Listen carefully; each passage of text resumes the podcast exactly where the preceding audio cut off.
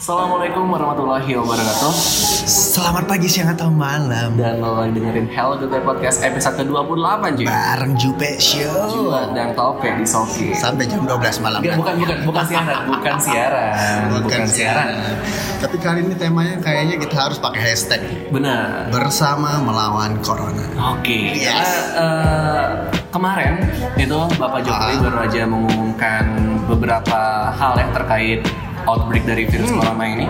Dan menurut gua ini gokil banget sih, kayaknya udah apa ya? Udah dijadikan bencana nasional dan kayaknya kita harus ngebahas banget sih. Nah, karena kalau kita nggak bahas ini kayaknya percuma jadi manusia yang beradab di Indonesia Oh. ini kalau kita nggak Oh. bahas ini ya. Oh, agak dalam, agak dalam. Tapi eh, kayak biasa nih, kalau misal ngebahas yang agak dalam-dalam, Hmm. Kita gak bakal berdua doang. Mm-mm, kita palingan bertiga lah, kalau nggak bertiga berempat. Dan di sini udah ada dua Wanita Yoi. cantik, Yoi. hidung mancung, Hmm. hijab. Tapi kita nggak tahu ini kuliah di mana. Ah. Ini Kalau- asal comot aja sih tadi. Iya, asal comotnya gitu. aja tadi kan di pinggir jalan habis makan somai. Hmm, Langsung di- diajak aja begitu. Bang, diajak dan mau juga ya. Langsung aja kita kenalin di sini ada siapa aja. Halo. Hai, Halo. Halo. Siapa nih? ya aku Livia. Nah, Dan aku Bella. Oh Bella. Kok malu-malu sih? Enggak, bukan malu. ini ini Bella mana nih? Lo dia Cynthia Bella atau Bella Sungkawa. Bella Negara. atau Bella Jar mungkin? Kenalin dong, Nama, kenalin. nama panjang namanya. Kalau aku Livia Samurti. Ah, Kalau aku Bella Juni Safira, biasa teman-teman suka panggil Bella JS. Bella aja. Saking banyak nama Bella, jadi Bukan, bukan, bukan. Tapi Bella Juni, Bella Jun. Bella Jun. Gua, Iya. gua kira tadi Nama panggilnya Bella Jun gitu. gua kira tadi Bella Jazz. Bella mobil maksudnya. Oh. Jazz ya. Oh, oh, oh, oh. Oke. Oke, em, kalian berdua nih sibuknya lagi ngapain sekarang? Sekarang cuma koas. Kalau aku sih Oh, bentar, koas. kalau koas berarti dokter dong. Masih dokter muda. Oh, Oke, oke. Oke. Bentar lagi berarti. menuju. menuju. Menuju puncak. Ini dokter hewan kan? Oh bukan. Oh, bukan. bukan, bukan. Oh, kita nyari dokter hewan Iya, tadi. salah. Maaf, maaf. Maaf, Bapak, Bapak. Ya Allah. lanjut, lanjut, lanjut, lanjut. Berarti sebelumnya kuliah di Iya, Kita dari Kedokteran Universitas Muhammadiyah. Oke, oke. Terus eh, sekarang lagi sibuk koas di rumah sakit. Eh, rotasi ya ke mana-mana gitu. Oh gitu ya. Uh, kalau yang utama sih di rumah sakit Bari, yang di Ja- apa Jakabaring ya. Oke. Heeh. tapi kalau aku sekarang itu di rumah sakit Abdullah Rifai Oke. yang di ya rumah sakit. Heeh. Hmm, oke, oke, oke.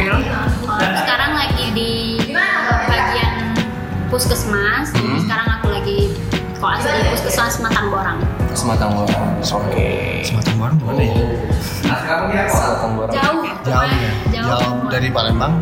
Masih di Palembang. Masih di Palembang. Tapi udah di ujung-ujung ujung. Oh di ujung-ujung. Iya, aku kan aku nggak tahu mas, Ah. makanya nanya. Terus em, selain koas, apa lagi sibuknya? nggak ada Jadi ada. itu ada koas Lebih fokus ke koas. jalan. Jalan. Oh jalan. Kalau ada waktu. Lebih suka traveling ya. Jadi sekarang Oke. itu koas itu pada mikir, oh kalau nggak jaga itu waktunya buat nonton, buat tidur. Tapi lebih utama tidur. Oh, Ketidur. Kalian jadwal tidur kalian berantakan. iya. Itulah pokoknya. ya gitu. Emang kalau koas tuh sistemnya gimana? Ini buat buat pendengar hal podcast yang ngerti nih, koas itu gimana sih? Kalau dari FK kita itu dari eh, pagi pagi sampai siang menjelang jam 2 itu Hmm. ya stay-nya di rumah sakit. Oke. Heeh, ngurusin pasien, Hmm. terus pulang dan pulang itu tergantung ada jadwal jaganya. Hmm. Ah, kalau ada teman-teman yang jaga itu lanjut jaga. Hmm. Nah, kalau nggak jaga ya pulang. Absen setelah absen pulang gitu. Oh gitu. Mm, Belajar, jalan-jalan, Iya. Tugas, ada tugas. Oh, ada tugasnya Ada juga. tugas, ada kayak tugas ada laporan-laporan kasus Tetap, kayak gitu. tetap, ada. Ada. Eh, by the way, gue mau nanya, kalian eh, pertama kali masuk masuk kuliah itu sampai sampai koas berapa tahun? Jalan Lim, lim, eh, kalau seharusnya itu lima lima setengah tahun. Lima setengah tahun. Ah. Sekarang sampai tamat koasnya. Sekarang udah jalan ke mau lima empat, tahun, empat setengah tahun ya. Empat setengah tahun. Berarti butuh berapa tahun lagi untuk jadi dokter? Satu. Setahun lagi baru itu kalian disumpah ya Iya. Dapat- Tapi dapat gelar. sebelum disumpah itu ada ujian nasional. Ujian nasional. Uh, Jadi Oh, nunggu uh, kayak ujian nasionalnya dokter kayak gitu loh. Oh, gitu. Uh, Tulis. Wajib wajib tertulis. Bukan tertulis sih kayak CBT ya. CBT sama kayak praktek. Ah, sama Oh, kayak gitu simulasi praktek pasien. orang-orang beneran atau gimana tuh Eh, Iya, nanti kayak dikasih kasus, kasus gitu Ah. ada kasusnya Tapi- kita disuruh pecahin itu kasusnya diagnosisnya apa apa, pasien apa, penyakitnya apa, terapinya apa gitu. Tapi Dikasih yang waktu. nanya, yang itunya eh, dokter-dokter dosen-dosen kita gitu ada loh. pengujinya dalam Eh, pengujinya itu dokter-dokter dia dosen kita. Dosen. Ah. berarti banyak ya dosennya misalnya enggak, enggak maksudnya eh, dari Divia sama Bella itu satu, satu dosen satu orang berapa dosen yang megang yang megang yang megang Eh, kayak dikasih station. Jadi nanti sta- ada station stationnya gitu kayak ada ruang-ruangan. Nah, nanti kita tuh masuk ke satu station satu ruangan nanti ada kasus apa satu dokter kayak gitu. Oh. terus pindah lagi kalau ada waktunya udah apa Habis. Habis, pindah nanti pindah pindah gitu Gitu. dosennya beda oh tapi kan untuk menjadi dokter tuh susah ya. Ya, susah susah. Belajar, gampang susah susah susah susah. lagi kalian kalian ngejar dokter apa nih? Dokter dokter umum dokter ginjal dokter hati kalau kita sistemnya eh, kedokteran itu kedokteran umum dulu. Nanti kalau misalnya udah lewat tahapannya udah eskednya udah tiga setengah tahun esket terus koas dua tahun terus udah lewat ujian kita sum disumpah terus udah dapet gelar dokter jadi terus pengabdian satu tahun kurang lebih udah tujuh tahun itu baru dari situ di bener-bener dapat gelar dokter. Nah dari situ bisa sih mutusin baru mau Spesialitas. Ah, spesialisasinya nanti sekolah lagi Oh. 4 tahun. Agak panjang. Oh, agak panjang ya. Dan spesialisnya juga nggak nggak bentar ya? Iya nggak bentar. Oh gitu? Ah, kalau mau jadi spesialis penyakit dalam bisa Ah. bisa li- minimal lima tahun. Lima tahun itu sekolah sekolah lagi? Sekolah lagi.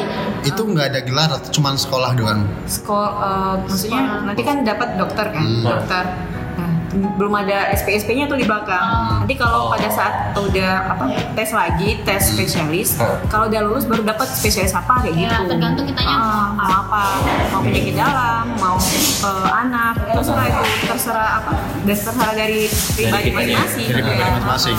Nah, tapi kalau dari Livia sama Bella itu eh, lebih cenderung pengen ke mana? Kalau aku ya Hmm. pengen saraf atau anak. Hmm, lebih ke saraf saraf atau anak? Oke antara dua tadi. Iya. Antara dua tadi. Kalau Bella kalau aku lebih ke sama sih saraf juga kepikiran pengen. Nah, tapi ada yang lain sih pengen juga jadi dokter penyakit dalam. Oh penyakit dalam. Bella anak pinter jadi rajin. Susah loh penyakit dalam tuh. Apalagi kalau dalamnya apa? Enggak apa? Enggak jangan jangan jangan. Ngasih punch kayak ngasih stand up tapi nggak di punchline kebiasaan emang kalau penyakit dalam bisa ada subspesialis lagi kayak penyakit apa? Ginjal jantung gitu. Paru-paru mungkin. Penyakit pinggang ada? Ada. Saraf. Lebih, lebih lebih ke saraf. Itu lain lagi itu lain lagi. Biasanya cowok ya? Banyak ya? Nah, berarti rata-rata rata-rata sekitar 10 tahun sampai spe- sampai spesial. Em, kurang lebih kurang lebih. 10 10 tahun. Kalau lancar 10 tahunan. Dan itu pun sebelum eh, ngambil tes resid apa spesialis Hmm. itu ada kayak syarat-syarat minimal satu tahun eh, kerja di rumah sakit. Itu nanti tapi rumah sakitnya eh, terserah dari sana ya nempatin kalian di mana gitu tergantung karena kita sekolah lagi jadi tergantung universitas mana kita yang kita masuk eh, spesialis yang universitas Oh. mana nanti dari universitas itu biasanya sih ada rumah sakit yang terkait gitu di situ sih biasanya Kerja sama. carinya gitu eh. oke agak ribet ya Oh, ribet. Agak ribet. Nggak kayak, kayak kita kan ibu berdua kan SP tuh. Ah. Jadi terserah mau tamat berapa tahun, yang penting Ah. jadi sarjana agribisnis dan pertanian. Yoi. Mau ke mana? Mau lanjut S2, S3, silakan kuliah lagi, ya kan? seterah Set- terserah. iya iya Terserah mau ke mana gitu kan. Mau kita mau ngambil jurusan lain juga bisa, tapi kalau dokter kagak bisa. Nunggu dulu. Nunggu dulu. sabar. Sabar. tapi nggak semua dokter itu bis- apa mau ambil spesialis sih. Bisa juga kayak eh, gelar magister lain juga bisa. Magister. Saya magister. Manajemen juga bisa loh. Manajemen Oh, bisa. bisa? bisa. Karena kan udah kita pada dasarnya udah ada ijazah Satu. satunya Oh. Oh jadi kalian dokter bisa juga ya ngerangkap jadi masuk ke akuntansi, bisa. bisa. ke hukum, ada. Jadi dokter hukum gitu ya ya. bisa iya ada forensik Oh, forensik. Oh iya. Ya bener kan gue, gue ketawa loh. tapi nggak nggak sampai itu juga sih sampai kayak ya kalau mau jadi di bidang hukumnya benar Ah. ya ambil S1 lagi S ya SH jadi ada Oh. gelar dokternya sama ada SH S1 di bisa iya Oh, gitu. ah, bisa Agak ribet sekali. Ya ribet tapi nggak apa-apa. Karena justru dengan keribetan ini kalian dapat ilmunya banyak iya banget. Bener. amin Amin. Tapi sekarang umur berapa? Dua-dua? Iya Jalan dua sekitar tiga. Dua-dua, dua-tiga. Berarti ya nunggu empat tahun, lima tahun lagi lah ya spesialis. insya Allah ya bener kan? Bener kalau dihitung itu bener kan? Lima tahun, empat tahun lagi ya. insya Allah kalau ada duitnya Gampang. Gak usah pakai duit sendiri. Langsung nikah tapi cari suami yang banyak duit. Oh. Bener kan? Bener kan?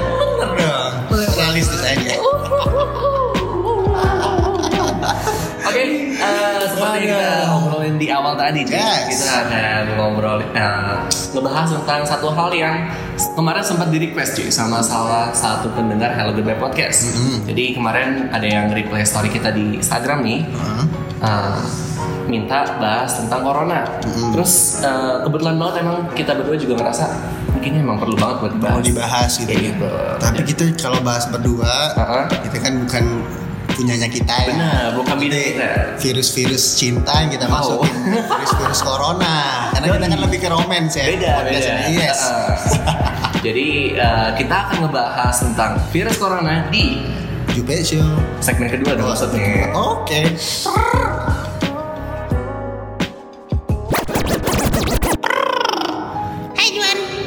halo Widi. Kayaknya kita udah masuk segmen 2 deh. iya nih. Halo. Hai. Absurd sekali. Oke kita masuk ke segmen kedua dan kita akan ngebahas tentang corona nih. Ah, apa itu corona? ah, gitu ya? Sekarang kan lagi lagi merebak banget ya kan corona dan juga eh, covid-19 ya. Namanya. COVID-19. Nah ini uh, definisi awalnya dulu deh Corona atau COVID-19 ini apa? Dan Corona sama COVID-19 sama apa enggak sih? Ya Perbedaannya kan namanya itu kan beda tuh. Nah, dari nama kan corona. Ya ini yang kedua baru-baru ini COVID-19. Nah, itu bedanya apa? Eh, jadi kalau sebenarnya COVID-19 itu singkatnya dari Coronavirus Disease Discovered 2019. Oh, Oke.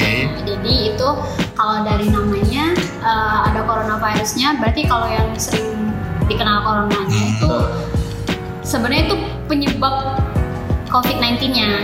Oh, oke. Ya, Iya. penyebab COVID-19 itu adalah virus corona. Jadi kayak HIV AIDS. Iya. Oke. Nah kalau mau spesifik lagi, Hah? ya COVID-19 kan eh, nama penyakitnya. Hmm. Jadi kalau sekarang itu udah ada namanya khusus, namanya itu SARS-CoV-2. Oh, SARS-CoV-2. Nama virusnya. Nama virusnya SARS-CoV-2 atau biasa kita sebut coronavirus, coronavirus. Coronavirus. Oke oke oke. Jadi itu kayak HIV AIDS gitu kurang lebih ya. Kurang lebih. AIDS itu penyakitnya, HIV Ah. itu virusnya. Iya. Kalau kita berdua yang ngomong, Hah? itu virus corona apa? Gue baca ini dari Cina. Terus disebar gitu. Ah. Itu kalau kita berdua ngomong. Eh, secara awamnya gitu. Secara awamnya. Nah, itu bener gak sih virus corona tuh awalnya dari Cina? Yes. Iya. Wuhan ya. Nah, Iya, awalnya dari Cina. Wuhan. Munculnya pertama Munculnya kali itu dari Wuhan. Heeh. Laporannya itu pada eh, tanggal 31 Desember 2019 akhir Oke, akhir tahun banget. Ah, benar-benar itu di Wuhan. Kan banyak kan kayak simpang siur katanya bocor karena Hmm, laboratorium. iya, iya benar nggak tuh? Benar tuh. Itu ya Masih kita ya ya. mas bukan gimana ya antara fakta atau fiktif ya. Hmm. Ini kan kayak oh hoax tapi kebanyakan orang eh, medis juga para medis juga bilang kayaknya bener deh kayak gitu. Ba- apa bener ka- kalau emang itu bocor dari eh, laboratoriumnya di, di Wuhan kayak Oh, gitu kan. Itu tapi hanya kayak oh ini masih kayak suspek gitu loh. Jadi kayak hoax hoax antara hoax sama emang bener-beneran bener gitu. Itu. Itu emang belum bisa diklarifikasi. Iya. Sampai sekarang tuh belum bisa diklarifikasi. Kalau yang pastinya eh, virus corona itu Hmm. eh, awal mulanya tuh dari hewan sih, Hmm. dari Iya. hewan. Jadi di Wuhan itu ada Hewan apa tuh? Pasar hewan lebih utamanya sih kayak kelelawar. Hmm. Oh, jadi Batman yang nyebar ini. Iya, Oh. si Batman yang terbang-terbang Virus. malah mengeluarkan virus ya. Iya, Batman tuh seharusnya pahlawan. Iya. But it's still. Lanjut. Jadi di Wuhan itu ada pasar hewan. Nah di Ah. sana itu eh, kalau virus corona itu menurut peneliti sih pertama kali ditularkan dari kelelawar itu. Nah dari kelelawar ke hewan lain. Ah, Nah dari hewan dari di hewan itu dia bermutasi gitu, terus Oke. m- mampu menularkan ke manusia. Dan situ sih Bentar, dari he- dari kelelawar ke hewan. Hewan itu hewan apa? hewannya tuh sih namanya pangolin gitu. Mamalia gitu. Iya. Oh, Bisa. oh bukan ikan cupang ya? Bukan. Bukan. Oh, bukan, iya. Bukan cuma kayak kelelawar ya, Ah. tapi bisa juga hewan lain kayak ya bisa sapi, bisa unta, bisa juga babi kan di Wuhan banyak babi kan. Hmm. Terus ya karena ya orang-orang mikir itu kayak oh ini eh, apa sih kebiasaan masyarakat sana kan mem- mengkonsumsi makanan-makanan seperti hewan-hewan yang seperti saya sebutkan tadi eh, adalah kayak eh, kabar bahwa untuk pen- apa transmisinya itu karena dari memakan dan eh, kayak memelihara hewan-hewan tersebut. Oke. Uh, jadi transmisinya itu dari awalnya dari hewan, Ah. terus menular ke manusia. Ah. Nah manusianya ini uh, kayak orang-orang ini kan apa kayak terinfeksi Hmm. dari virus corona ini, terus saling menyebarkan, mentransmisikan, menginfeksikan antar sesama manusia kayak gitu. Makanya menyebarnya luas Menyebarnya sampai ke Indonesia. ah, ah, benar. Terus corona juga uh, penyebarannya itu sangat cepat, lebih cepat dari MERS, dari virus MERS itu sendiri. Jadi virus MERS itu uh, jadi untuk coronavirus ini sebenarnya uh, penyebab dari salah satu penyakit yang pernah dengar pneumonia Nah, kayak Agak. ses, apa sih penyakit saluran saluran napas gitu loh. Iya, iya. ah. Kayak gitu loh. Nah, itu penyebabnya banyak. Eh, jadi kalau untuk eh, pneumonia ini kan bisa karena bakteri, bisa virus. Nah, virusnya ini sebenarnya eh, coronavirus ini memang baru. Hmm. Dulu itu udah sebenarnya ini eh, kalau coronanya ya, Hmm. itu hasil mutasi dari eh, virus-virus SARS itu sendiri. Oke. Nah, virusnya itu ada tujuh kayak tujuh kayak bagian gitu loh, tujuh tujuh virus lainnya dalam satu golongan gitu loh. Oke, Ah, bayang. ah, ya. nah. Terus coronavirus ini yang ter- yang paling nomor tujuh gitu. Oh. Ah. Paling terakhir. Iya, soalnya baru, baru. ah. Makanya banyak orang berspekulasi bahwa corona ini dibuat karena eh, senjata biologis. Iya kayak apa sih kayak hoax ka- eh, bocor dari laboratorium Cina dari Wuhan. Hmm. Makanya orang mikirnya kayak gitu apa karena eh, Wuhan pemerintah Wuhan yang membuat virus tersebut Hmm. sampai bocor terus ya ya kayak gitu Menyebar. menyebar ke mana-mana makanya ini kan oh ini virus baru ini strain Iya. baru kenapa disebut corona karena bentuknya kayak corona corona itu kayak crown ya Ha-ha. artinya dalam gitu loh dalam bahasa kedokteran Terus apa ya? Awalnya kan memang orang Indonesia tuh nggak terlalu aware gitu kan dengan yang namanya uh, virus corona kan. Bahkan awal-awal juga sempat jadi jokes. Nah, gue ingat banget uh, Menhub itu pernah ngomong kalau kita tuh kebal corona karena doyan nasi kucing. Iya. Mm-mm. Terus juga uh, siapa?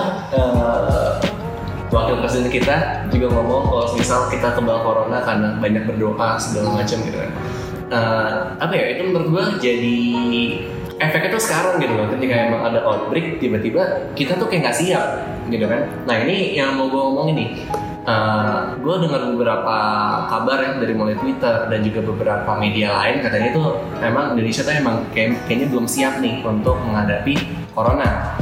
Ada nggak sih ciri-ciri umumnya dari corona gitu? Hmm. dari gejala dulu deh Bella Eh, sebenarnya kalau eh, COVID-19 itu Hmm. eh, dia virusnya tuh menyerang saluran nafas. Hmm. Jadi kalau untuk gejalanya eh, lebih ke infeksi saluran nafas. Infeksi ya kayak ispa gitu. Hmm. batuk eh, bisa pilek nyeri tenggorokan gitu.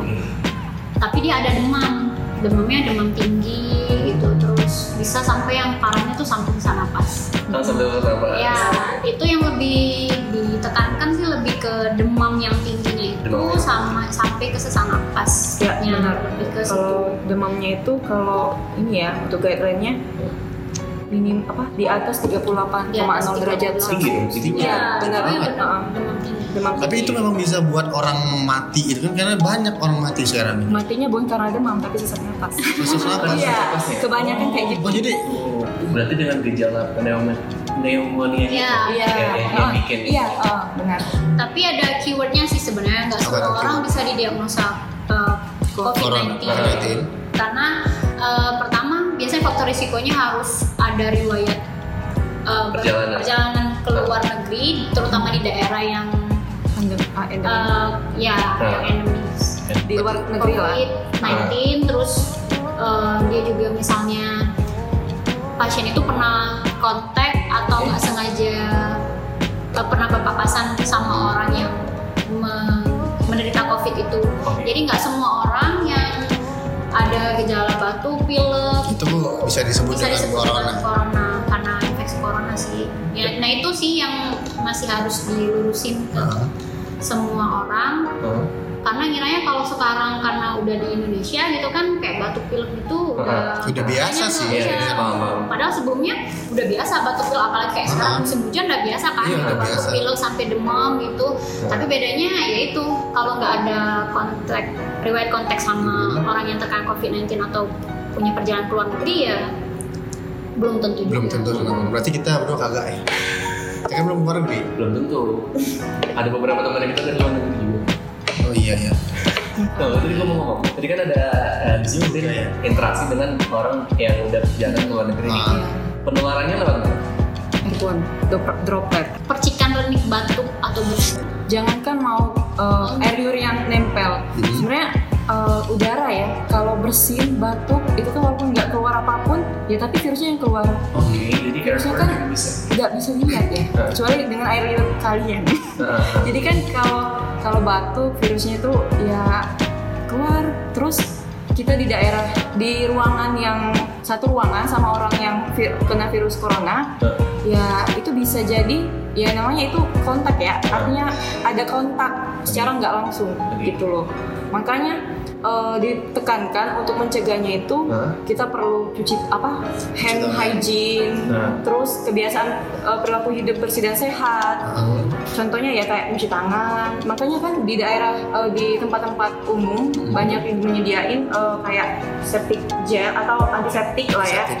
hand sanitizer. hand sanitizer, Hand sanitizer. eh, Banyak terus sekarang dijual. Heeh, benar terus eh, selain itu untuk penggunaan masker Nah, Nah iya ini ini. ini masker yang udah sekarang melejit harganya ini. iya sebenarnya kalau menurut apa dari imbauan WHO Hmm.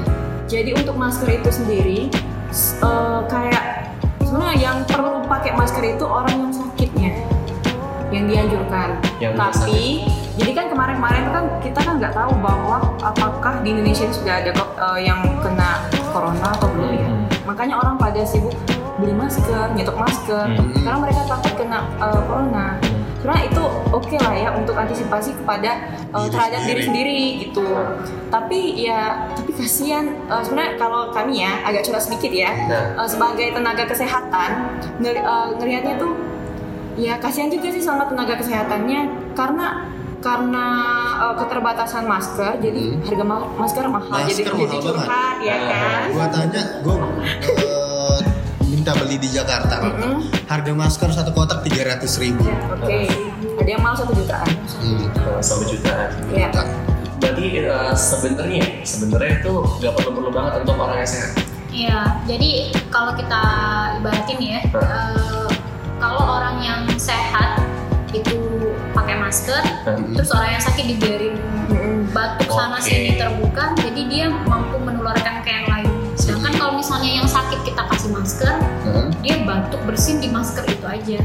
Yang lainnya nggak bakal ketularan. Jadi sebenarnya Oh. lebih safe untuk orang yang diutamakan yang sakit. Diutamakan ya. Diutamakan, Diutamakan. Katanya orang yang sering terpapar sama orang yang sakit misalnya kayak tenaga kesehatan gitu. Iya, medis. Heeh. Berarti di puskesmas di tempat-tempat jual apotik itu sekarang eh, masker eh, susah ditemuin gitu ya. iya karena Sama ya juga kalau gue beli di supermarket yang di Maret sama yang di Juan Avila itu yang warna Iya. merah itu ah, nggak ada. Itu nggak ada, habis gitu. udah habis ya Udah habis. Sold semua. Jadi susah banget carinya. Seberapa efektif sih kalau masker itu dipakai sama yang sehat untuk uh, menghalangi virus masuk? Cukup efektif apa sebenarnya? Selain Sebenarnya. masker ya, Hah? percuma aja kalau pakai masker tapi nggak menjaga kalau Kesehatan. yang ada cuci tangan nggak pernah uh, cuci tangan tapi nggak pakai sabun dan tidak menerapkan enam langkah cuci tangan yang benar. Memang uh, itu cuci tangan langkah-langkah cuci tangan itu sudah uh, standar baku standarnya dari WHO dan juga uh, Menkes dari Menkes memang. Jadi uh, percuma aja kalau pakai masker, nggak pakai nggak cuci tangan dengan benar. Terus uh, satu lagi Apa? menjaga kesehatan tubuh. Memang perlu kayak vitamin ya suplemen kayak gitu.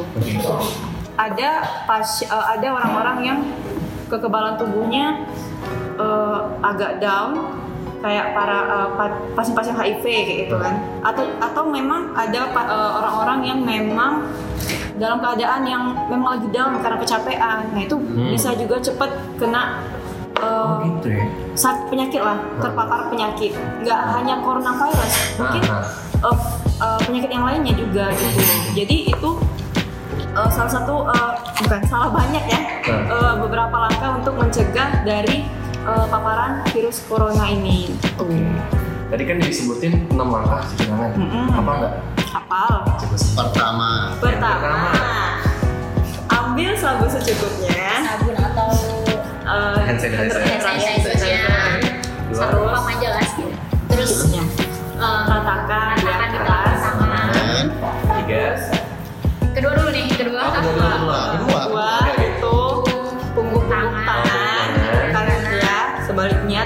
di sela-sela jari. Sela-sela aja. Iya, sela-sela jari. Ah. Terus lakukan gerakan mengunci tangan tak jadi kayak Oh kayak, iya. kayak mau ini ya. ya kayak mau muncul lah. kayak di bagian dalam Ini tangan sekali aja, nggak usah Ya. Oh, nggak usah gini, Iya, sekali. aja. Oke. Terus yang eh, kayak apa sih ini? Jempol kanan dan kiri, Oh. berhenti jempol. Ah. Nah, terus nggak nggak usah kalau jari-jari nggak usah, cuma jempol aja. Jempolnya aja. Nah, Oke. Terus eh, ini? kayak terus ujung-ujungnya ujung jari, Oh, ujung jari. gerakan melingkar ke ke telapak telapak tangan tangan. Udah denger ke Udah mau matok tadi. iya Oh. kayak mantuk lah gitu. Matok. Iya benar gitu. Oh gitu. Oke, itu apa namanya harus dilakukan untuk apa namanya tadi? Cuci tangan. Cuci tangan. Tangan. Oke. Langkah-langkah yang dianjurkan. Oke, itu tadi kalau udah ngomongin tentang apa namanya? Virus. Eh, cuci tangan itu juga, terus juga eh, menjaga pakai masker tadi eh, sebenarnya itu salah satu dari beberapa rangkaian ya Iya. untuk tindakan preventif dari eh, virus corona tadi. Jadi kalau misalnya udah pakai masker tapi eh, gaya hidupnya masih jorok, percuma aja kayak gitu. Iya. Tapi bentar ini mau Hmm. tanya nih. Eh, sekarang kan kalau di Indonesia Jakarta yang paling kena paling Iya. banyak ya. Sampai menteri kita juga kena. Di Palembang kemarin gua lihat di Twitter media sosial katanya di rumah sakit yang RSMI RSMH RSMH itu ada satu yang dari Banyuasin Hmm. katanya itu kena tapi pas di cross check lagi itu katanya bukan ya Negatif. Iya. negatif kita harus tetap nunggu pernyataan resmi Iya, dulu resmi. kalau saya eh, kalau ada emang yang kena kayak gitu Hmm? eh, bagusnya emang kita harus ngecek sampai atau tunggu dulu sampai pernyataan resminya soalnya kan eh, nggak semuanya terkadang yang udah dirujuk ke rumah sakit utama untuk corona itu belum tentu udah positif ya udah belum tentu positif ya bisa berarti dalam intinya. Palembang masih aman ya? Sejauh ini masih sejauh ini masih aman. Mungkin virusnya takut kan? Wong Palembang ini kan besar ini gak lo? Kelakar. keras gak lo wong? Nggak ada ngaku kau Tadi diomongin apa nunggu pernyataan resmi. Emang itu prosesnya gimana supaya kita bisa ngetes? Nah, misal nih kayak misal gue jangan gue dong. Ada seseorang, ada ada seseorang, jangan gua juga dong ada seseorang yang eh, ngerasa aduh ini pilek, batuk, demam terus kayak kayaknya mau ngetes ah gitu. Nah itu eh, langkah-langkahnya gimana? Eh, jadi nggak semua orang yang dengan batuk pilek itu bisa dilakukan tes Begitu. COVID-19 sebenarnya nggak semua karena kayak Karena tadi kan semua, semua, iya semua orang bisa ke rumah sakit Iya. dan Heeh. itu harus ada yang kriteria tadi kalau misalnya emang Emang ada kriteria Iya. apa namanya eh, perjalanan perjalanan atau kayak kontak sama orang yang dicurigai COVID-19 eh, kita langsung ke rumah sakit yang rujukan corona itu biasanya bisa langsung melakukan tes gitu Hmm. ya sih kalau tesnya lebih gold sih ya di swab ya diambil kayak sediaan Sampel. sampel gitu dari darah? Kalau di tenggorokan? Bukan bukan sampel dahak mukosa. mukosanya? Iya.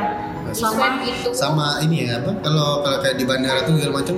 Oh itu itu cuma sebenarnya Suhu Suhu ya? ya suhu tuh cuma lebih simptom ya lebih ke screening lah. Maksudnya kalau kayak su, eh, termometer gitu ngecek suhu itu cuman buat tahu pasiennya "Eh, ini orang ini lagi demam atau enggak aja gitu. Belum tentu infeksi corona karena Hmm. eh, rata-rata penyakit infeksi itu bisa menyebabkan demam sih Iya. jadi kalau misalnya emang udah memenuhi kriteria tadi Hmm.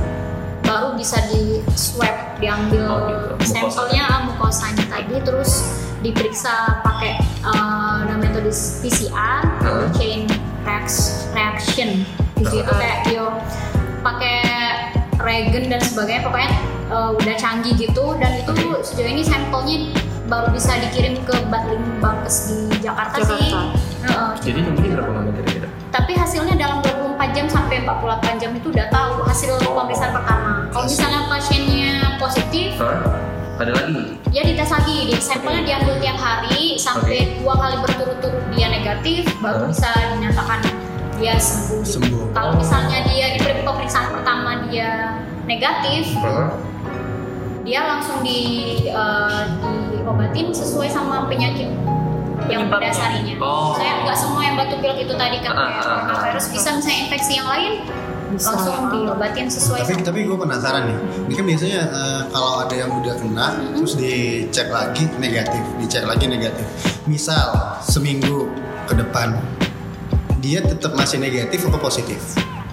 Maksudnya balik lagi nggak tuh virus kalau pada dasarnya kalau habis eh, tubuh kita itu punya sistem imun Heeh. nah sistem ya kekebalan ngomong imun itu tadi tuh Iya, sistem ke jadi kalau misalnya eh, kenapa COVID-19 itu eh, kayaknya serem gitu ya Hmm, serem banget sekarang karena lihat pada dasarnya emang kita tuh nggak ada kekebalan terhadap virus itu Ah. gitu jadi Virusnya baru. karena virusnya baru tubuh kita itu belum ada tanda Hmm. Istilahnya antibodinya untuk melawan virus itu kalau masuk ke tubuh kita Oke. Nah, kalau misalnya ada virus itu masuk ke tubuh kita, sebenarnya sistem imun kita itu bakal melawannya karena itu benda asing dari tubuh kita. Dia pasti ngelawan ngelawannya. Nah, tergantung uh, daya tahan tubuh seseorang. Dia bisa jatuh sakit, Hmm. dia bisa uh, sakitnya berbagai level ya bisa dari ringan sampai berat. Hmm. Bisa juga nggak nunjukin gejala apa-apa. Dia udah asimptom, Hmm. Dia juga bisa kayak uh, tapi kalau udah terpapar pertama Hmm. tubuh itu biasanya sudah sudah merangin itu dia biasanya buat tanda pengenal gitu. kita sebut ada. ya, ya kita sebut antibody jadi uh, kalau udah uh, kena pertama dan udah terbentuk antibodinya sih biasanya untuk kena lagi itu sulit, Sulit. kecuali kecuali banget ini sistem imunnya lagi down banget. Itu bisa uh, bisa kena lagi gitu tapi untuk sejauh ini sih belum ada sih laporannya berarti kalau misalnya orang yang kecapean itu juga bisa kena resiko virus corona apa enggak? Bisa kalau ada kontak. Kontaknya Kalau lagi-lagi harus dan ada kontak. ada kriteria yang kontak. awal tadi. Dulu terus kenapa ber- eh, kenapa berbahaya? Karena coronavirus ini sakitnya itu akut gitu. Arti artinya apa? Akut tuh kayak cep- pen- penularannya cepat penularan cepat sangat cepat malah. Terus pada pada saat coronavirusnya itu masuk ke dalam tubuh kita per- apa perjalanan penyakitnya itu sangat cepat gitu. Bereplikasi itu sangat cepat. Berarti lebih cepat virus corona daripada bisa ular. Ya mungkin ya. Terus karena bisa ular juga cepat kan? Iya, kalau misalnya kepatok. Eh, bisa ular sih udah ada istilahnya antidotumnya Anti- ya anti yang- bisanya yang udah ada. Kayaknya lebih cepat uh, bisa ular deh. Karena uh, untuk coronavirus ini ada masa inkubasinya artinya Hmm, masa oke. inkubasinya itu uh, itu kayak masa di mana virus itu bereplikasi di dalam tubuh kita. sampai nimbulin sakit. Ah, ah, sampai menimbulkan sakit. Oke. Makanya orang yang awal dari perjalanan Tiga perjalanan ke luar negeri Nah, biasanya tuh diisolasi dulu minimal 14 hari kan karena emang Nah, iya. sifat virusnya itu yang 14 hari itu dia butuh Istirahat total. inkubasi. inkubasi gitu ya Inkubasi. makanya eh, mulai kayak menyesuaikan dengan sekali dia infeksi dia bakal eh, kembang biak di situ tergantung sistem imun kita kalau misalnya sistem imun kita lemah dia bakal nunjukin sakit dalam 14 hari itu kalau enggak ya berarti alhamdulillah gitu Oke. tapi karena kita tadi kan bentengnya belum ada, antibodinya belum ada, juga vaksinnya belum ditemuin, Nah, kita nggak ada benteng utamanya jadi ya kalau udah kena Tapi kita cuma ada benteng ini ya. Benteng Kota Besar. Kota Besar ya. di Palembang. Palembang. Makanya kita masih kan nggak kena ya. kita aja bisa tembus gitu kan Nah, kita kita udah ngomongin tentang tes nih kan, Ah. bahasa kayak gitu. Tapi eh, sebenarnya tuh kalau misal kita punya tadi nih kayak ada orang yang ada riwayat interaksi dengan orang yang dicurigai, di- dicurigai sebagai suspek dari eh, COVID-19 tadi. Terus kayak ngerasa tadi ada demam, ada pilek segala macem. Itu emang dari diri kita emang nggak apa-apa kan untuk untuk memeriksakan diri ke rumah sakit atau ditahan aja. Karena kalau kayak misal misal nih kayak misal ada 10 orang yang merasa insecure sama dirinya sendiri gitu terus 10 10 ke rumah sakit gitu. Itu kan nanti bakal eh, mengakibatkan namanya pembeludakan di rumah sakit gitu kan Hmm. jadi sebenarnya sikap yang harus diambil tuh gimana Apa kita cuma diem aja di rumah? Nah, atau kayak ditungguin aja 14 hari kalau kalau belum sembuh baru ke rumah sakit Pokoknya intinya kalau udah sesak napas langsung ke rumah sakit. Heeh. atau gimana sih maksud gue eh, langkah yang harus diambil nih sama orang-orang yang tadi yang udah Iya. ada apa namanya Siapa tahu Kontaknya gitu. pendengar Hello Goodbye juga Heeh. tahu gitu. mungkin ada yang takut gitu kan kayak eh gue nih mau mau periksa nih tapi takutnya tadi di positif gitu Hmm. itu harusnya gimana kalau sebenarnya enaknya tuh kalau udah ada riwayat kontak sama Hmm. yang COVID-19 itu ya hmm?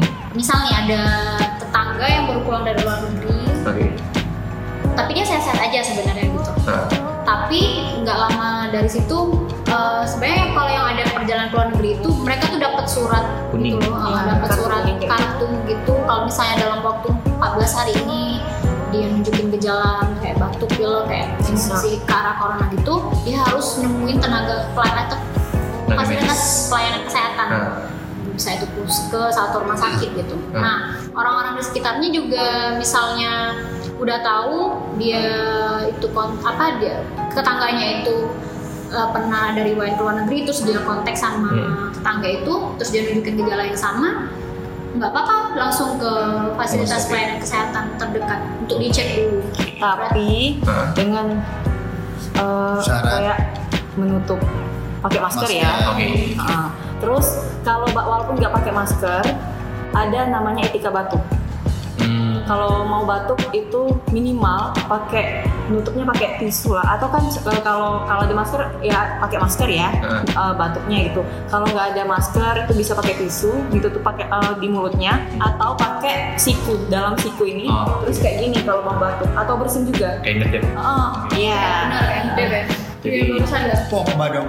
oh Pogba kan iya berarti untuk bapak-bapak di ujung gang yang suka hace gitu itu, Itu itu, barusan. Itu barusan. Eh, tapi kan tidak tidak Oh, bersin dong tidak dong itu dikurangi ya untuk bapak-bapak di ujung gang Yang suka main gap malam-malam mungkin kan. Kemarin kita udah ngelempar pertanyaan di Instastory Hello Goodbye Podcast, ya kan?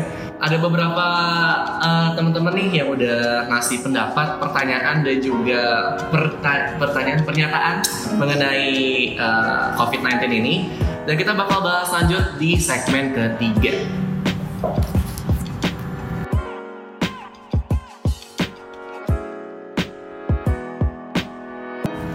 Oke tadi aku mau sedikit nanya ulang yang soal apa kalau ada yang bersin terus nyentuh di tangan orang itu eh, langsung nular ke mereka dapat penyakitnya atau gimana tuh? Eh, nggak langsung gitu dia. Dia gitu. eh, jadi kalau misalnya ada yang batuk bersin sekitar kita yang Hmm. dicurigai kena COVID-19 tadi, Hmm? eh misalnya kena tangan kita tuh. Hmm. Nah terus kita nggak sadar kan dia ternyata eh, ada Ada virus di ya, sana. virus coronanya kan. Hmm. Terus kita nggak cuci tangan tuh. Ah. terus kita langsung pegang mulut muka mata atau ngucek-ngucek oh, mata hidung, gitu sama kan. hidung hidung iya hidung ya nah sensitif biasanya virusnya masuknya dari situ oke itulah kenapa Harus eh, cuci tangan. iya Harus harus cuci cuci tangan. tangan. Wajib. itu poin utamanya sih kenapa harus poinnya harus cuci tangan nggak harus mandi dulu. Jadi misalnya Iya, ada orang bersin ah gua permisi ke wc mau mandi. Tidak lama kayak- banget ya gitu ya. Tidak besok baru pulang lagi. Cuci tangan pakai sabun. Cuci tangan pakai sabun. Atau yang berbasis alkohol. Alkohol itu kenapa alkohol 70% Nah itu tuh, gue nah tanya. iya Kan eh, hand, sanitizer, hand sanitizer itu kan sekarang jadi langka nih dan mahal. Hmm. Nah gue sempat baca katanya kalau misalnya kita bikin hand sanitizer custom sendiri itu udah pakai alkohol 70% itu bisa, bener ya? bisa sih Sebenarnya bisa. jadi orang yang minum alkohol itu nggak apa Bukan, bukan bukan. bukan. alkoholnya Oh. beda persenannya beda Lain, lain. Iya, konsentrasinya beda jadi serem ya Jadi sebenarnya bisa nih pakai alkohol 70%. Itu dicampur apa lagi? Apa cukup pakai itu aja? ada tambahan ada sih bahan-bahan tambahan lainnya Eh, cuman kalau misalnya mau lebih aman Hah? sekarang tuh udah banyak sih DIY kayak bagaimana bikin hand sanitizer Hmm. sendiri tapi kita nggak bisa mastiin bagaimana tingkat sterilnya kan Iya, ya. bagusnya sih emang kita beli yang udah terstandar Hmm. Di eh, standar gitu eh, hand sanitizer standar gimana sih gitu Ah. kita mending kayak gitu sih daripada kita coba sendiri tapi kalau emang udah langka banget ya Ah. udah kelewatan bisa eh, jamin sterilisasinya nggak apa-apa sih bikin ya? sendiri Iya. Nggak apa-apa. Nggak apa-apa tapi kalau menurut aku ya Nah, untuk menjaga kebersihan tangan Hah? itu lebih baik pakai sabun sabun gitu. air yang mengalir ya air yang mengalir Oh. jangan air yang Oh, bukan ya Oh, bukan. bukan Oh, Please, kayak kerangan itu. mungkin ya? Oke. itu ditekankan air yang mengalir dan sabun Oke. karena menurut aku itu lebih ya walaupun masih mungkin masih ada eh, kayak mikroorganisme yang di tangan tapi setidaknya itu lebih bersih lebih meminimalisirkan daripada pakai hand uh, apa alkohol pakai hand sanitizer gitu iya karena apa ya kayak kan kita pakai uh, sabun Ah. ada antiseptiknya pakai air lagi gitu loh jadi itu lebih mengoptimalkan untuk uh, menjaga kebersihan dari tangan kita gitu Oke. Jadi buat pendengar Halo Goodbye ya. Sering-sering cuci tangan. Ah. Kalau mau makan cuci tangan. Caranya juga berdoa dulu sebelum Iya. makan. Gitu loh. Ah, ah. Terus juga kalau mandi yang bersih ya itu juga termasuk kan sih. ya Iya. Ah, kalau mandi yang bersih gitu. Dan jangan apa ya? Eh, jangan takut untuk bertemu dengan orang lah karena ini juga kayak gimana ya kalau gue lihat eh, interaksi ke orang juga kayak berkurang gitu loh karena virus-virus ini Nah, ini uh, ada satu pertanyaan dari temen gue. Dia ngomong, uh, sekarang tuh jadi banyak banget ketakutan yang nggak beralasan gitu. Jadi tahu-tahu orang batuk yang sebenarnya orang itu emang lagi keselak kayak atau gimana, tapi jadi uh, berlebihan gitu respon Orang dari panik gitu. Nah, orang kayak- panik gitu. kayak banyak panic attack yang dialami sama banyak orang nah itu gimana ngatasinya sebenarnya uh, panik itu wajar apa enggak sih dalam kondisi seperti ini kalau ditanya panik itu wajar ya nggak wajar Nah. kita harus waspada untuk Waspada. sekarang karena ini sudah outbreak sudah Nah. jadi wabah ya harusnya kita waspada dengan cara apa pencegahan cara-cara yang tadi kita sebutin Hmm. eh, apa cara pencegahan dari eh, tertularnya virus-virus. Bukan virus sebenarnya bukan cuma virus aja sih.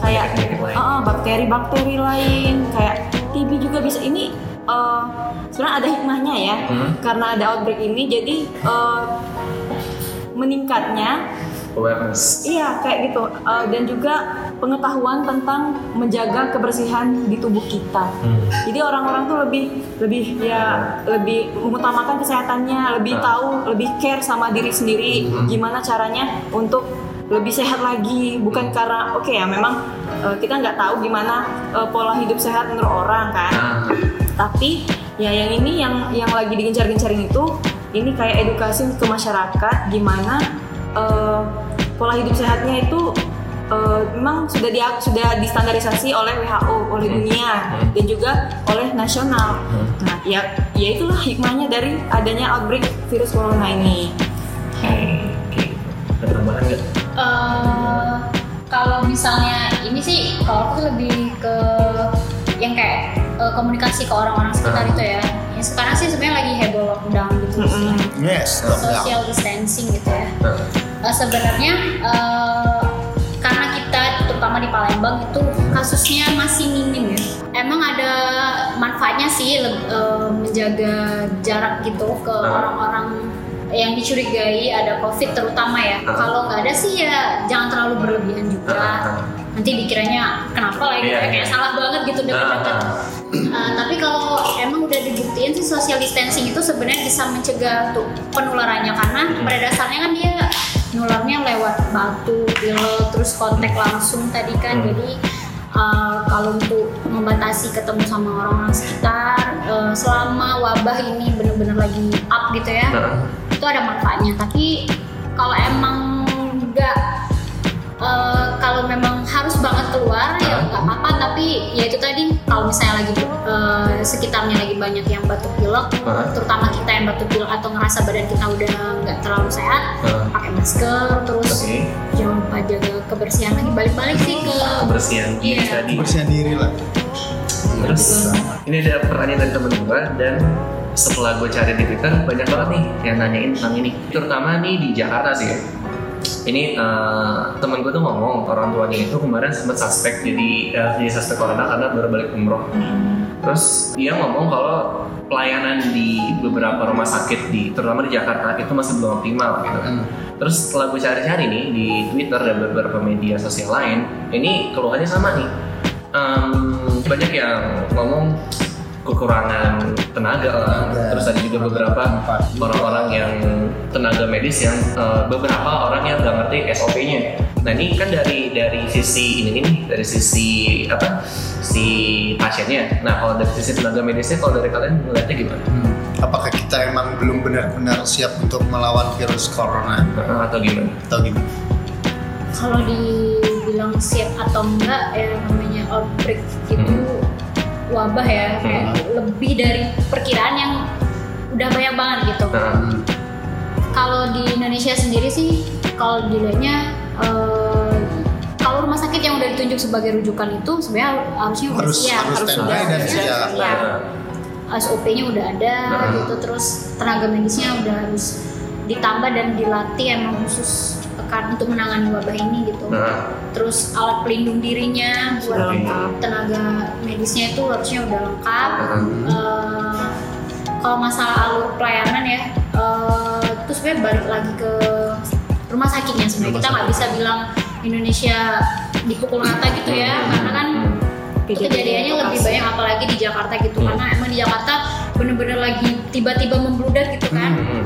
dan rata-rata orang di sana juga panik. Sebenarnya kalau kita bukan dibilang jangan nggak panik juga sih uh, masyarakat awam pasti panik gitu. Iya. Apalagi kayak dengernya ini kayak ada yang meninggal, ada terus ini nggak bisa sembuh atau apa gitu, ini masih susah sembuhnya. nah, Sebenarnya lebih utama sih uh, itu balik lagi sih jangan panik ya, tetap waspada. Karena kalau panik itu terkadang ya namanya panik kan mau dulu duluan gitu ya aku duluan jadi kayak ngerasanya kadang kan prosedurnya salah lah Hmm. atau Aha. emang nggak sesuai standarnya gitu kalau dibilang siap nggak siapnya harusnya sih udah siap ya Berarti siap. pemerintah sekarang seharusnya udah menyiapkan seluruh rumah sakit di Indonesia untuk Iya, standby. standby Iya. Harus standby karena kita eh, apa ya mengambil langkah ke depan lah. Iya. hmm. Jangan sampai udah duluan banyak yang meludak baru eh, kita masukin yang berkualahan gitu. Ah. sebenarnya ini kayak lingkaran setan ya Iya. Wow. yang lebih bisa ke mana-mana. Iya, kita tuh kayak kalau misalnya kita juga nggak- berdoa kita semua kena gitu Nah, sebenarnya itu tuh ada rantai apa kayak efek domino gitu loh. Oke. Penul- penularannya kan kayak satu ke yang lain, satu ke yang lain. Kalau misalnya Kayak rantai makanan. iya harus dari sebenarnya eh, kata kuncinya sih lebih ke memutuskan rantai penularan itu. Misalnya kalau kita bisa memutuskan rantai penularan itu nggak bakal banyak gitu, nggak bakal terjadi eh, yang seperti nggak kita harapkan kayak Hmm. eh, penderitanya banyak banget gitu. Di rumah sakit juga nggak bakal kewalahan Hmm. gitu nah.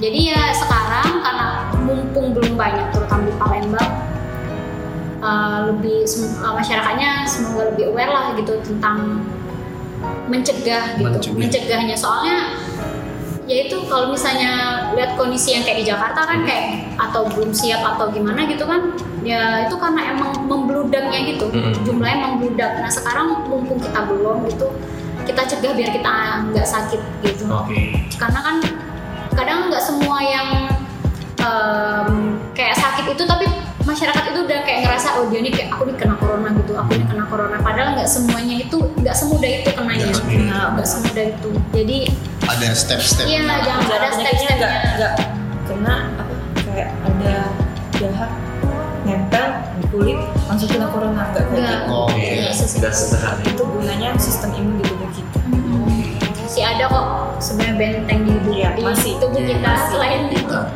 benteng yang gede Jadi itu ya le- eh, untuk eh, masyarakat Palembang berarti ya. Jadi kayak eh, lebih perhatiin diri sendiri dulu. ya Iya. kita harus Lebih ke dari- preventifnya ya. dari diri sendiri dulu lah. Tuh, Tadi udah dijelasin tuh tentang cuci tangan, tentang apa namanya eh, menjaga kebersihan diri sendiri kayak gitu. Tapi emang sejujurnya ini emang ada hikmah sih, terutama buat orang-orang kayak gue yang kamar suka berantakan gitu kan. Jadi setelah setelah ada outbreak ini gue jadi lebih, Lebih aware gitu sama sih. kamar. Gue kemarin eh, sebelum mau tag podcast kemarin sama kalian sebenarnya gue ke kosan dia pas gue "Lu, ti- tiba-tiba Juan bersih bersih. Apa lu? ada hikmahnya ya Nah, Ada hebatnya. gue takut. Ntar ada virus corona masuk. Setakut itu ternyata. Terus eh, ini juga ada beberapa keluhan ya dari teman-teman Ah. gue ya eh, mengeluhkan kenapa dalam kepanikan seperti ini justru kita tuh bukannya bersatu padu untuk mendukung kebijakan pemerintah, tapi malah masih terpolarisasi secara politik. Kalau perhatiin di media sosial Hmm. ada beberapa orang-orang yang nyalahin si A lah, terus apa namanya mendukung si B gitu kan. Terus ketika B bikin kesalahan tuh rame-rame nyalahin si B gitu. Nah ini eh, apa ya? Stop lah untuk untuk bersikap seperti itu karena gimana ya? Itu tuh udah udah basi banget sih kalau misal masih terpolarisasi secara politik gitu. Ketika emang ada kebijakannya salah ya dikritisi.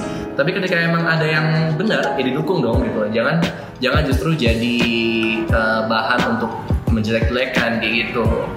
Terus juga, em, ah ini gue mau nanya nih, soal apa namanya Eh, lockdown. Nah ya lockdown. Nah kalau lockdown itu gimana sih? Kalau misal secara dari medisnya itu udah perlu banget sih, udah perlu banget dong sih kalau di Indonesia untuk lockdown. Itu lockdown. kalau perlu atau enggak ya Hah?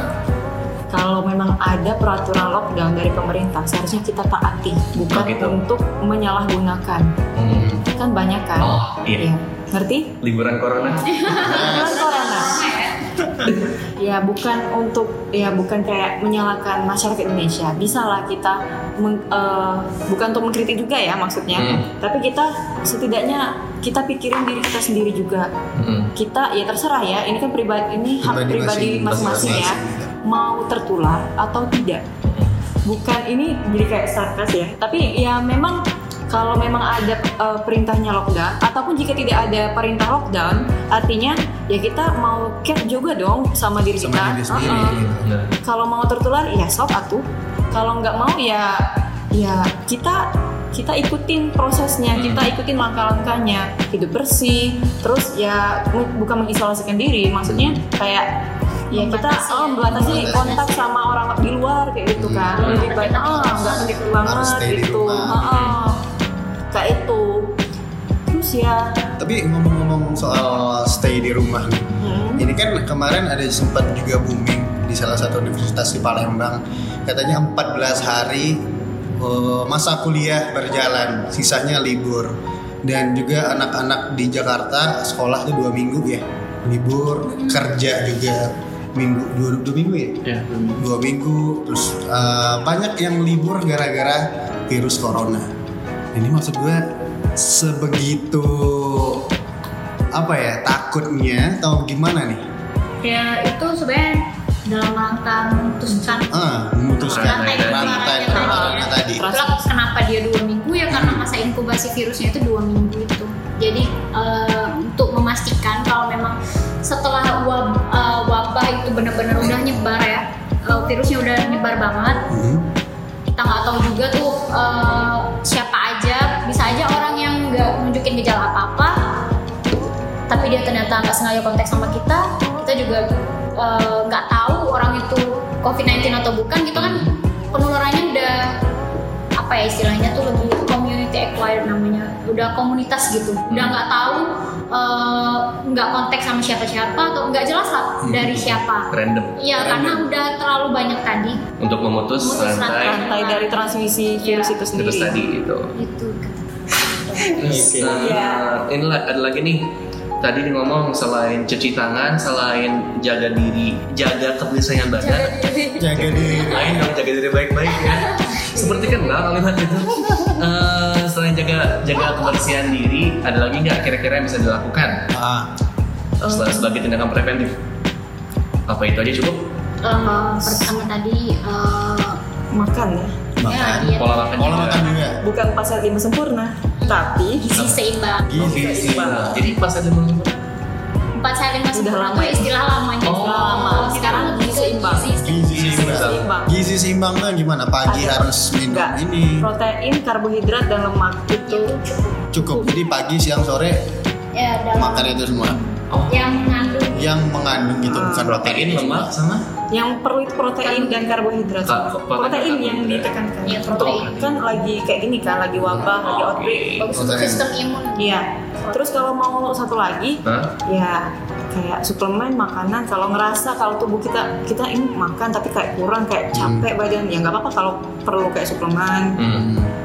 Tapi kalau soal geremes nih, itu gimana? Geremes, Germas. geremas, geremas. gerakan masyarakat Gerakan masyarakat. Iya. Gerakan masyarakat gimana tuh? Eh, dari Kemenkes sendiri itu sebenarnya ada sebutannya jaga diri dan keluarga anda dari virus corona dengan germas. Germas Oke. sendiri artinya gerakan masyarakat hidup sehat. Ada beberapa eh, hal yang bisa kita lakuin. Yang pertama, tadi sebenarnya udah rata-rata kita sebutin ya. ya. Pertama makan dengan gizi yang seimbang kayak Hmm. sebutin tadi Ah. eh, komponen karbohidrat, protein dan lemak itu udah cukupi ya. Terus jaga kebersihan lingkungan. hmm, Terus minum air putih nih, putih ya 8 gelas minimal itu per hari. Per hari. Per hari. Oke, gue baru berapa hari hari ini? Hitung nih, hitung. Lima, lima kali.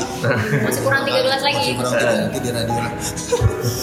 Terus ada lagi disebutnya rajin olahraga dan istirahatnya cukup. Nah itu lebih ke untuk imun. ya imunitas. Berarti harus rajin olahraga. Rajin Nah, olahraga. rajin olahraga dulu rajin kan? Rajin dong, rajin. tidur yang cukup Tidurnya. Tidur yang cukup. Oh, tidur yang cukup itu dari pukul berapa? 10, 9, Kalau 8, udah umuran kayak kita sih minimal 6-7 jam lah. 6. Jadi 6 sampai 7 6 jam sampai bukan 7 jam. 67 jam 6-7 jam 6 ya, sampai kayak tapi ya. terserah dari jam berapa Ah. misalnya dari jam 12 jam 1 tapi 6 sampai 7 jam atau gimana Ter- Yang- idealnya ya Idealnya tetap dari jam ikutin 10. irama sirkadian ya istilahnya Eh, Irama siklus tidur. ya. terus tidur siklus tidur ya malam hari itu tetap yang terbaik untuk tidur oke bukan pagi hari ya berarti dari jam 12 malam ke atas itu udah masuk pagi kan Hmm. bagusnya tetap dari jam 10 jam oh. bangunnya subuh gitu oke Terus ini ada fun fact yang gue juga baru tahu nih. Katanya nih, katanya eh, virus corona ini adalah salah satu eh, konspirasi. Katanya nih, ini ada salah satu followers yang ngirim, dia tuh ngirim screenshotan buku. Bukannya ngomong in around 2020, a severe pneumonia like illness will spread through the globe. Jadi katanya ini ada salah satu buku yang ditulis pada tahun 1940, tapi dia nggak nulis judulnya nih. Tapi eh, di buku tersebut di halaman 312 ini ada satu paragraf yang ngomongin tentang tahun 2020 itu bakal ada penyakit sejenis pneumonia yang akan menyebar eh, Ke seluruh ke seluruh dunia. Menyerang paru-paru dan bronchial tubes bronchial tubes. Bronchial tubes apa? Bronkial saluran saluran apa yang kata yang kiri kanan ini kalian udah udah udah udah pernah baca? Udah. Ah kalau yang ini? Nah. Yang ini sih belum. Belum. Gak tau nih eh, katanya nih katanya ini adalah salah satu eh, konspirasi tapi yaudah itu fun fact aja. Iya. terus apa lagi ya? Itu keren juga keren juga. tahun 1940 loh. Iya berarti udah udah direncanakan gitu 80 tahun yang lalu. Udah lama banget ya itu bukan 50 tahun ya. Itu Raffi Ahmad dong. Raffi Ahmad dong. Terus sisanya ini banyak banget yang kecewa sama pemerintah sih. Eh, sisanya ya. tapi ya udahlah eh, Ya kita doakan saja. Ah, ah. Semoga sistem yang akan mendatang itu benar-benar memang ditanggulangi. Memang benar-benar Mm-mm. serius untuk Mm-mm. corona. Iya, memang harus gitu pemerintah sekarang. Harus. Harus mementingkan kepentingan rakyatnya. Dan daripada kita mengkritik pemerintah, lebih baik kita Yang pikirin diri sendiri dulu. Sendiri baru. Pencegahannya gimana? Ah, ah. Jadi kita perlu koreksi apakah benar udah sehat belum? Mm-mm. Apa pola hidup sehatnya udah udah gerak belum? Ya sadar diri deh gitu lah. Iya, Nah, lebih ke diri sendirinya diri sendiri aja dulu. Kayak gitu. Oke, itu tadi udah kita bahas ya. Aduh. Dan jangan panik. Jangan, Jangan panik. Jangan panik, tetap Waspada. Tetap waspada. Tuh yang Waspada lah, kata Bang Nabi. Masih ingat aja ya. Iya dong, itu kan legend banget tuh Bang Nabi. Iya. Udah kayaknya segmen tiga ya. Aduh, banyak banget yang kita bahas sama dua calon dokter. Yoi. Iya. Wow, yang bakal berapa tahun lagi jadi dokter? Satu tahun insya Satu tahun lagi ya, satu Doain. tahun lagi bakal kita doain. Yoi. Tapi selesain dulu ya, bantuin dulu ngilangin virus corona. Bantu ya. Dibantu ya. Bantu ya. Iya. Aduh. Um, kayaknya sekian aja sih dari uh, Hello Goodbye Podcast Benar. episode 28 ini. Tapi buat kalian nih eh, pendengar, ini udah kita masukin di episode ke-28 bareng dua dokter cantik ya. Dan ini bareng Livia sama Bella. Jadi buat kalian yang pengen follow Instagramnya atau follow Twitternya juga, tapi jangan nomor HP ya. Bisa langsung di mana? Kalau Halo Livia, Olivia and Hani Samurti H A N I S A M U R T I. kalau Bella, Instagramnya Safira Bella. Safira. Bella. Ada kata-kata terakhir dari kalian berdua, masa bijak kan terakhir? Iya. Untuk Kata-kata terakhir serem banget ya. Iya, kata-kata bijak lah. Closing statement. Closing statement.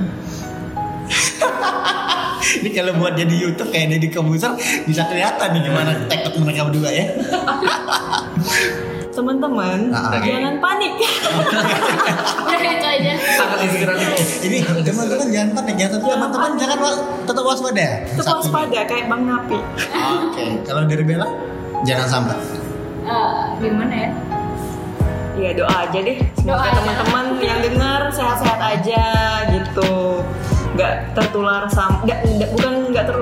nggak sakit, nggak ngedown gitu. Yang bilang kok Olivia ya, bukan Bella. Tambahan-tambahan dari Tambahan Livia. dari Bella. Tambahan Livia. Diwakilkan atau ada lagi dari Bella? Eh, kayaknya sih sama ya. Oh, Lebih oke. ke pokoknya jangan panik, harus Jangan waspada, harus waspada. jaga kebersihan. Jaga stamina juga. Jaga stamina dan jangan lupa Berdoa. berdoa. Oke. Oke, kalau gitu sekian mungkin dari kita berdua ya dan bakal ketemu sama episode ke-29 tapi nggak tahu tuh kita bakal bahas apa. Oke, buat kalian yang mau um, request tema atau Hmm. mau curhat, mau cerita bisa banget langsung aja uh, DM kita di Hello Goodbye Podcast atau bisa langsung ke Instagram pribadi kami berdua di Ya, kalau gua cowok rasa lemon kalau dua tope sekarang. atau juga di Twitter ya, masih Yep. kita tungguin di Twitter di @global eh di Lain dong, lain. @hello_pd. Aduh berasa siaran terus di Hello Goodbye Podcast Yes. ya kan atau di Twitter kami berdua di gua di Corosa Lemon atau di Tope Oke, kalau gitu tope eh kalau gitu Jupe Show pamit Yoi. Livia mohon pamit. Bella juga mohon pamit. And see you next time. Bye. Bye.